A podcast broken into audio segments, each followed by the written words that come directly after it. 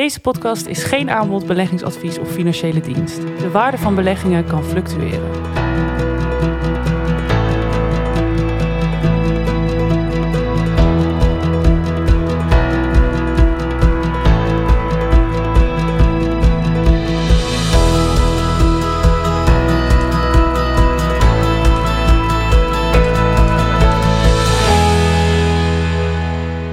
Tegen een oorlog kun je je niet verzekeren. In Nederland kun je je zelfs niet tegen de watersnoodramp verzekeren. Zijn verzekeraars daarom interessante beleggingen? Hoe varen deze aandelen in een omgeving van de stijgende kapitaalmarktrente en een ouder wordende mens? In deze stokpot, eh, stocktube van Bustelberg Vermogensbeheer volgt u een gesprek over beleggen in de sector financiële waarde en de verzekeraars in het bijzonder. Wat zijn de kanshebbers? Waar moet je op letten als belegger? We spreken met eh, Jack Alders, en met Fred van Dijk, beide werkzaam bij Bustelberg Vermogensbeheer. Uh, van harte welkom mannen. Ik ben Peter Cordes en we gaan het vandaag hebben over een aparte sector, de verzekeringssector. Nou, de beurs is op brand, de rente stijgt, dan ja, zie je ook de aandelenmarkten toch wel even een uh, stapje terug doen. En dan moeten we bij Bustelbergers gaan nadenken Eigenlijk hebben we dat natuurlijk al gedaan. Over nou, hoe kunnen we nou die portefeuille wat stabiliseren? Of wat zijn nou interessante spelers die juist in een hogere renteomgeving misschien goed zouden doen in een beleggingsportefeuille? En dan kom je toch op de verzekeraars, uh, Fred. Leg dat eens uit, want dat vind ik een moeilijke gedachte. Verzekeraars, ik noem ze ook wel eens handelaren in geruststelling. Je hebt ze gewoon nodig. Er zijn altijd risico's aanwezig, hoe klein ook, die je wilt verzekeren tegen de kans dat het toch gebeurt. Dat betekent dat je als belegger te maken hebt met een hele defensieve sector. De mensen blijven toch wel hun premie betalen. Er zijn risico's die je niet wilt en kunt lopen. Dus wat er ook gebeurt, we blijven keurig netjes onze premies afdragen. Dat betekent dat die verzekeringsmaatschappijen kunnen beschikken over een hele mooie, stabiele stroom van inkomsten.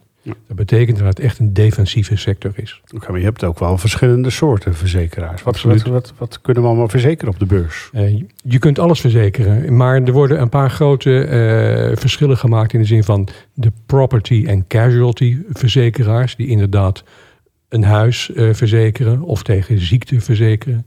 En daarnaast zijn er verzekeraars die ook leven verzekeren. Zowel het overlijdensrisico als het pensioen verzekeren. Ze hebben allebei hun eigen kenmerken. Maar wat ze vooral verbindt is de noodzaak om hele grote reserves aan te houden. Want als er iets gebeurt, moet een verzekeraar meteen geld kunnen uitkeren. En, en, en, hoe komt het dan dat die, als de rente stijgt, dat juist goed is voor verzekeraars? Dat zit hem inderdaad in die reserves.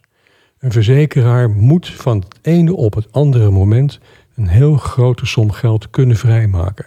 Als er een natuurramp is, zoals Katrina in Amerika, dan moeten er opeens miljarden vrijgemaakt worden en de volgende dag al uitgekeerd kunnen worden. Dan moet je als verzekeraar niet in de aandelen zitten, want je ziet het wel deze week. Dat is niet fijn om dan tegen lage prijzen te moeten verkopen. Dat is ook een vorm van risico. Dus al die verzekeringsmaatschappijen beleggen voor een zeer groot gedeelte hun kapitaal in saaie staatsobligaties die de afgelopen jaren helemaal niets hebben opgebracht aan rente. Dus eigenlijk is het de sector die aan het opleven is op dit moment. Ja, ik denk dat ze heel blij zijn in de bestuurskamers van die verzekeraars. Want eindelijk gaat die rente een keer boven de nul. En dat betekent dat die renteinkomsten op dat zeer omvangrijke kapitaal heel snel gaan toenemen. Er is ook een ander voordeel. Dat is de inflatie. We zijn er bang voor. Maar kijk naar die verzekeraars. Die verzekeren iets wat elk jaar in waarde toeneemt. Dat betekent ook dat elk jaar de premie toeneemt. En anders verhogen ze hun premie wel, toch? Oh, daar zijn ze ook heel erg ja, adequaat. Ik ken ze vooral als machtige organisaties, hè, zowel in de gezondheidszorg, maar ook als het gaat om je verzekeringspolissen en premies. Dat zijn organisaties die zich natuurlijk van allerlei dingen kunnen veroorloven. Uh, maar dat is goed voor een belegger. Uh, misschien niet altijd even goed voor een consument, maar wel goed voor een, uh, voor een belegger. Um, Fred, je noemde het net al, schadeverzekeraars, levensverzekeraars, herverzekeraars zijn er. Waar, waar, wil je het nu over hebben? Wat vind je nu de meest in het oog springende, als we het even hebben over het Nederlandse belegger? Nou, eigenlijk het meest in het oog springend, dat zijn toch wel de levensverzekeraars omdat ze niet alleen het overlijdensrisico verzekeren, maar ook pensioenen verzekeren. En dat zijn kapitalen die je tientallen jaren lang mag beheren en die dus elk jaar in omvang groeien. Dat is een hele stabiele bron van inkomsten. Dat betekent ook dat ze in staat zijn om hele stabiele dividenden uit te gaan keren. Jack, weet jij wat, dat, wat een dividend is voor een gemiddelde verzekeraar? Of waarom neem je die op in een portefeuille? Nou, dan, dan moet je toch al snel denken aan, eh, aan 5% plus aan uh, dividendrendement. Oké, Ja, dus dat is, een, ja. dat is echt een goede reden om, een ja. verzekeraar Ja. ook in de portefeuille te Ja. nemen. Wil je dan liever een verzekeraar dan een bank? Of zeg je van nee, banken horen er ook bij? Eh, of hebben die ook een, dat dividendrendement? Die hebben ook dat dividendrendement. Alleen ik denk dat eh, eh, qua veiligheid de verzekeraars interessanter zijn op dit moment. Ja. Die profiteren toch wat meer ook van de, wat Fred net al zei, van de oplopende rente. Je ziet het nu zelf al terug in de, eh, eh, de pensioenen die verhoogd gaan worden. Ja, dat is niet zonder reden. En daar hebben natuurlijk die pensioenverzekeraars ook mee te maken. Oké, Fred, de- interessant. Eh, Jack, interessant. Maar nu hebben we eh, recent hebben we eh, eh, van, van Egon, ik denk dat ik dat wel mag vertellen, hebben we hè, na een mooi ritje, zoals dat heet, hebben we eh, eh, toch de helft zo'n beetje verkocht. Eh, hebben we wat winst genomen. Nou, dat pakt goed uit, hè, want die koers van Egon die komt ook onderuit. Maar wat was nou de reden om toch iets met Egon te doen en niet met die andere verzekeraars? Ja, je moet onder de motorkap kijken. Eh, Egon had op een gegeven moment een vrij zwakke kapitaalbasis. En daar moesten ze iets aan doen. Waar ze ook mee zaten was dat in Amerika, wat echt een groot onderdeel is eh, voor eh, Egon, het sterfterisico toch wat anders uitpakte. Onsympathiek gezegd, de mensen werden te oud. Dan moet je voorzieningen treffen. Tegelijkertijd daalde die rente in Amerika. Om orde op zaken te stellen en ook de toezichthouder weer tevreden te stellen, moest Egon het renterisico afdekken. Ja, dat is heel mooi, dat risico afdekken, als de rente daalt. Maar als de rente gaat stijgen, betekent dat dat je minder profiteert van die rentestijging. En dat was voor ons reden om te gaan kijken welke bedrijven, welke banken, welke verzekeraars gaan nu echt geld verdienen als de rente stijgt. En daar was Egon niet de nummer één. Nee, dus jij zegt eigenlijk van, joh, als je als belegger kijkt onder die motorkap, Absoluut. En inderdaad, bij Egon was het zo dat Amerikaanse belang, hè, dat was wel, daarom hebben we het volgens mij ook gedaan, dat is prettig, want die dollar die, eh, die Ja. kroop lekker omhoog, prima.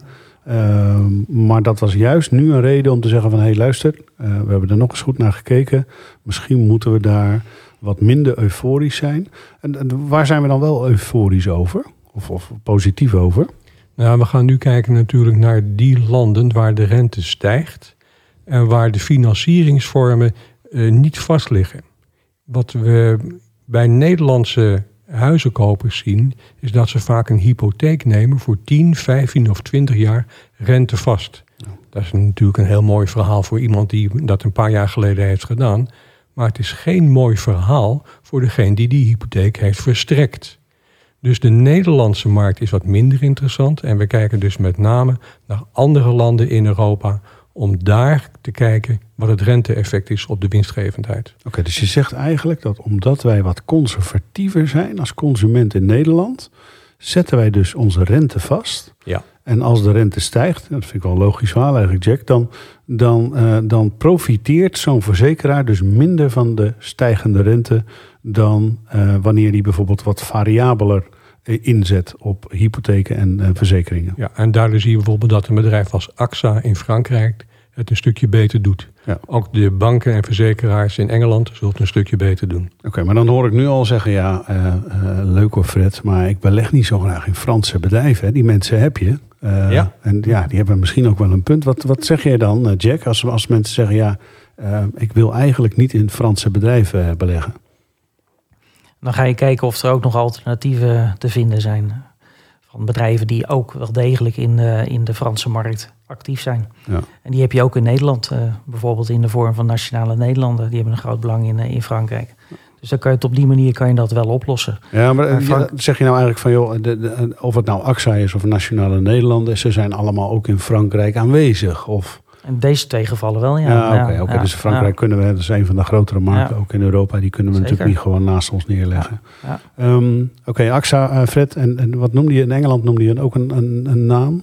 Ja, waar we in uh, Engeland naar kijken is natuurlijk een bedrijf als HSBC als, als bank. Ja.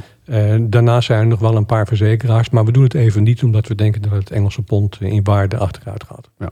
Oké, maar we hebben hier nu een Nederlandse podcast, StockTube. En natuurlijk, wij beleggen wereldwijd. Maar ik wil toch even terug naar die Nederlandse markt. Want het heel gek, Nederland is best wel wat verzekeraarsrijk. Over, we zijn oververzekerd als, als particulier en we zijn ook oververtegenwoordigd met de verzekeraars. Ja.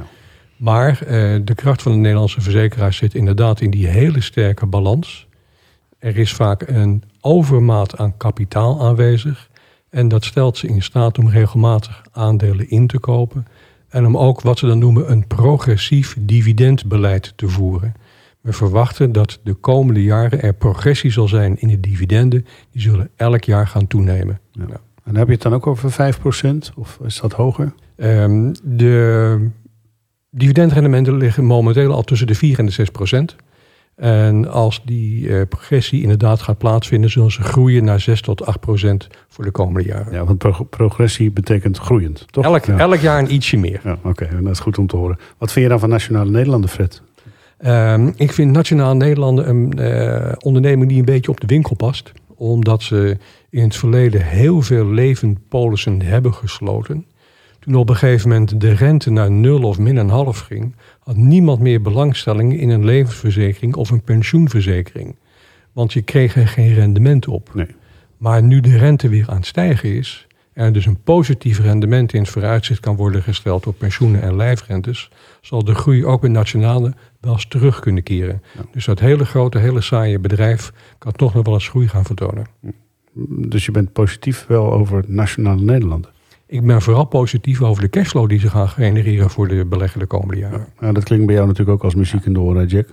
Ja, nou ook die solvabiliteitsratio, die ligt heel erg hoog bij... Uh... Kun je uitleggen wat dat is? Nou, dat is... Uh, Fred had het net even over, over het, geld dat beschikbaar moet zijn om, uh, om direct te kunnen uitkeren. Ja, dus eigenlijk het geld wat je in je achterzak hebt om direct ja, zeggen, op tafel te leggen. Dat volgens mij bij Nationale Nederlanden boven de 213 procent. Oké, en weet je hoe dat bij Egon dan zit? Is dat meer of minder? Of Egon bij ASR? Zit, Egon zit het onder de, ruim onder de 200 procent. En ASR zit volgens mij rond 196 procent. Oké, wat een kennis. Dus is dat ook wel goed. Ja, oké. Dus um, verzekeraars um, uh, zijn dus interessant in een uh, beleggingsomgeving waarin de rente stijgt.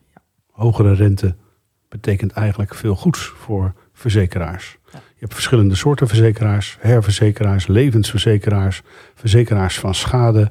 Uh, je kunt het niet zo gek noemen. Als je een wereldwijde portefeuille moet opbouwen of kan opbouwen, dan uh, is dat ook mogelijk. Maar in Nederland hebben we toch een aantal leuke verzekeraars die uh, voorzien in een rijke kaststroom met Jack. Een ja. goed dividendrendement. Um, nou, bedankt heren voor deze wijsheid. Dit was weer de zoveelste Stocktube en Stokpot van Bustelberg Vermogensbeheer. Het ging over beleggen in verzekeraars. Dank jullie wel.